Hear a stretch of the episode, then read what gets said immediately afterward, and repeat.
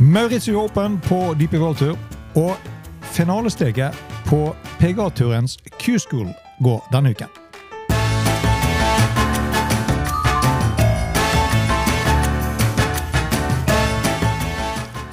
Hei, velkommen til en ny episode av Golf Plug, presentert av Turtech Golf. Og Denne uken så spilles den siste turneringen av den nye Opening Swing. Og det er Mauritius Open på Heritage La Reserve golfklubb på Mauritius vi snakker om. Og vinneren av årets Mauritius Open vil skaffe seg en rekke nye globale muligheter i en turnering som alltid har spilt en nøkkelrolle i karrieren til tidligere vinnere. Gjennom sin status som den siste turneringen på DB World Tours Opening Swing, som markerer da starten på den nye sesongen, så vil 23-utgaven av Mauritius Open på spektakulære La Reserva golfklubb være da åstedet for en dobbelttriumf, potensielt, søndag ettermiddag.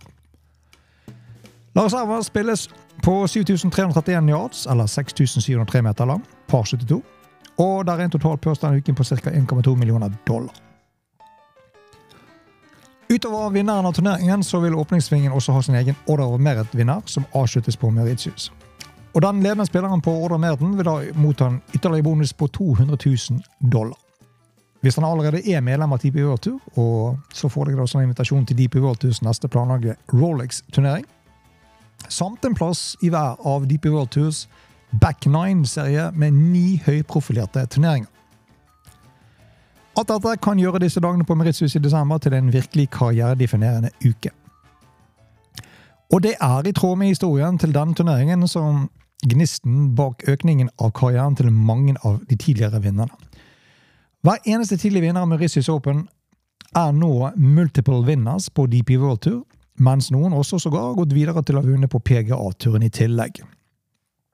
Danske Rasmus Høygaard fikk sitt gjennombrudd på DP World Tour da han vant Mauritius Open i 2019. Og han ble den tredje yngste vinneren i DP World Tour-historien, etter Theo Manesao og Danny Lee, og i bare sin femte start på turen. Han fortsatte med å vinne ytterligere tre DP World Tour-titler, og var lenge i kampen om en plass på det europeiske radiocuplaget også i år.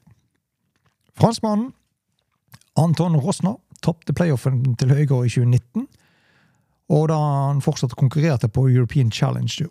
Han kom tilbake i 2022 for å vinne Mauritius Open med fem slag, så den største seiersmarginen i turneringens historie så langt. For å sementere sin status som en stigende stjerne på DP World Tour.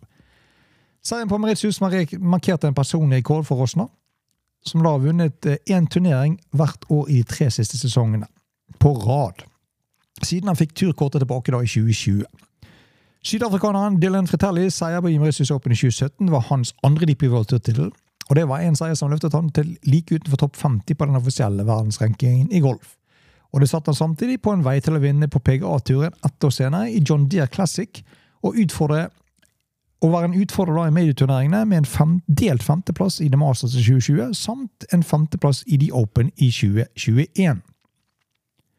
En annen spiller, amerikaneren Kurt Kitayama, tok sin første DP World-tittel på Mauritius Open tilbake i 2018. På vei til senere da å vinne Arnold Palmer Invitational i 2023 på PGA-turen, og endte på en del fjerdeplass i PGA-mesterskapet i 2023 også. Han har nå en plass blant de 30 beste på den offisielle verdensrankingen i golf. For de tidligere mestrene George Kotsetse 2015 og Wang Yonghon i 2016 som var også med Russisk Open en del av flere DP World Tours i deres karriere. Tittelforsvarer er jo da Anton Rosner, som vant i 2022, og leder an et felt bestående av mange kjente navn.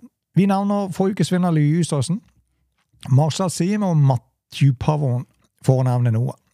Vi derimot setter en knapp på eh, Andrew Beef Johnson, som er tilbake etter en langt skadeavbrekk. Så kanskje har The Beef skumle hensikter for den kommende sesongen. Krog Johansen er på plass som eneste norske innslag denne uken. Så får vi se hvem som stikker av med seieren i årets Mauritius Open, og hvem som leder Race to Dubai etter ukens turnering og sikrer seg en bonus på 200 000 dollar som vinner av den nye Opening Swing. På den andre siden av Atlanteren så er det jo juleferie på den offisielle PGA-turen. Men eh, det betyr ikke at det er helt stille der borte, for denne uken så spilles eh, finalesteget på Q-School for PGA-turen. Det betyr at det er eksamen som bestemmer hvilke spillere som har den fysiske og mentale styrken til å gå hele veien og komme opp på profesjonelle golfens høyeste nivå.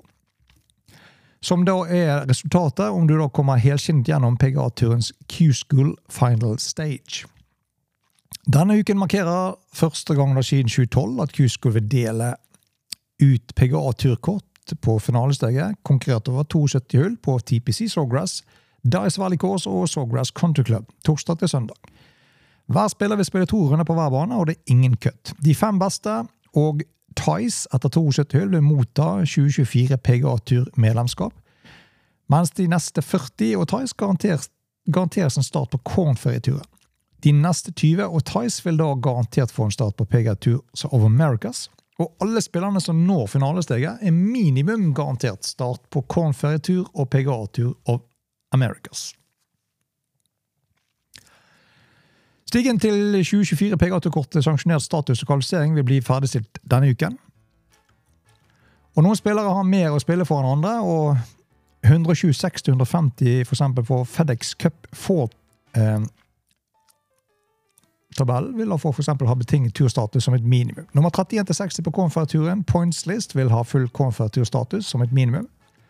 Disse spillerne er blant dem som har en slags frikort og jager fem turkort og ties. Noen har imidlertid aldri gjort eh, noe annet enn en før turstart, og kan ha omformet karriereutsiktene sine ved å avslippe innen topp 40.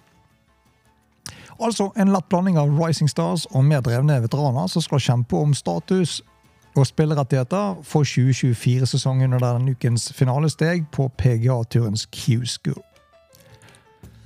Spennende blir det å se om det dukker opp en eh, ny Tiger Woods, kanskje. Eller en Ludvig Aaberg. Eller kanskje til og med en ny Victor Hovland, eller noe lignende. Det er ofte sånn at når du tror du har seen it all, så er det jo bare så jeg får oppleve at ved neste anledning så dukker det opp noe helt nytt igjen, som er enda mer spektakulært enn hva du har sett tidligere. Og det er det fine med denne idretten, som i våre dager hvor da enkelte spillere ble kjøpt for 500 millioner dollar for gagne golfsporten. Vet ikke helt om det er den riktige måten å gjøre det på. Så det er jo godt å vite at det er ingen som er uerstattelige. Og heller ingen av disse enkeltindividene som er større enn selve sporten som helhet. Og med det i tankene er vi kommet til veis ende i denne episoden av Golf Plug, presentert av Turtech Golf. Husk lik, del og subscribe. Og Har du tips eller kommentarer, så send de til unpluggedturtechgolf.no. Og husk det at touchen er det første som forsvinner hvis du er lenge borte fra selve spillet. Så keep practicing your short game. På gjenhør.